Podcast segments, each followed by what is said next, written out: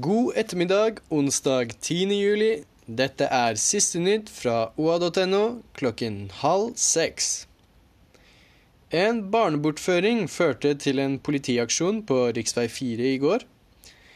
En far ble tirsdag kveld pågrepet på rv. 4 nord for Lygna etter at han skal ha plukket opp sin sønn fra en barnevernsinstitusjon på Hadeland.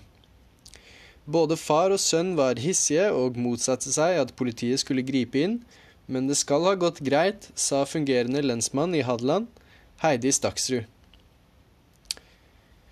Det har vært eh, knallvær over mesteparten av Sør-Norge i dag. I Gjøvik har det vært skyfritt og sol, med temperaturer som steg opp til 25 grader i luften og 18 grader i vannet på fastland.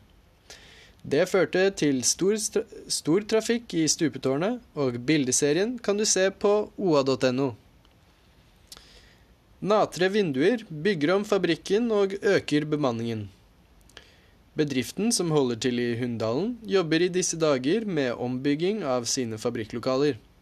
De satser til høsten friskt på rendyrket balkong- og vinduproduksjon med nye arbeidsplasser. Bedriften skal nå gå fra 150 til rundt 180 ansatte og legge til 2200 kvadratmeter med fabrikkområde.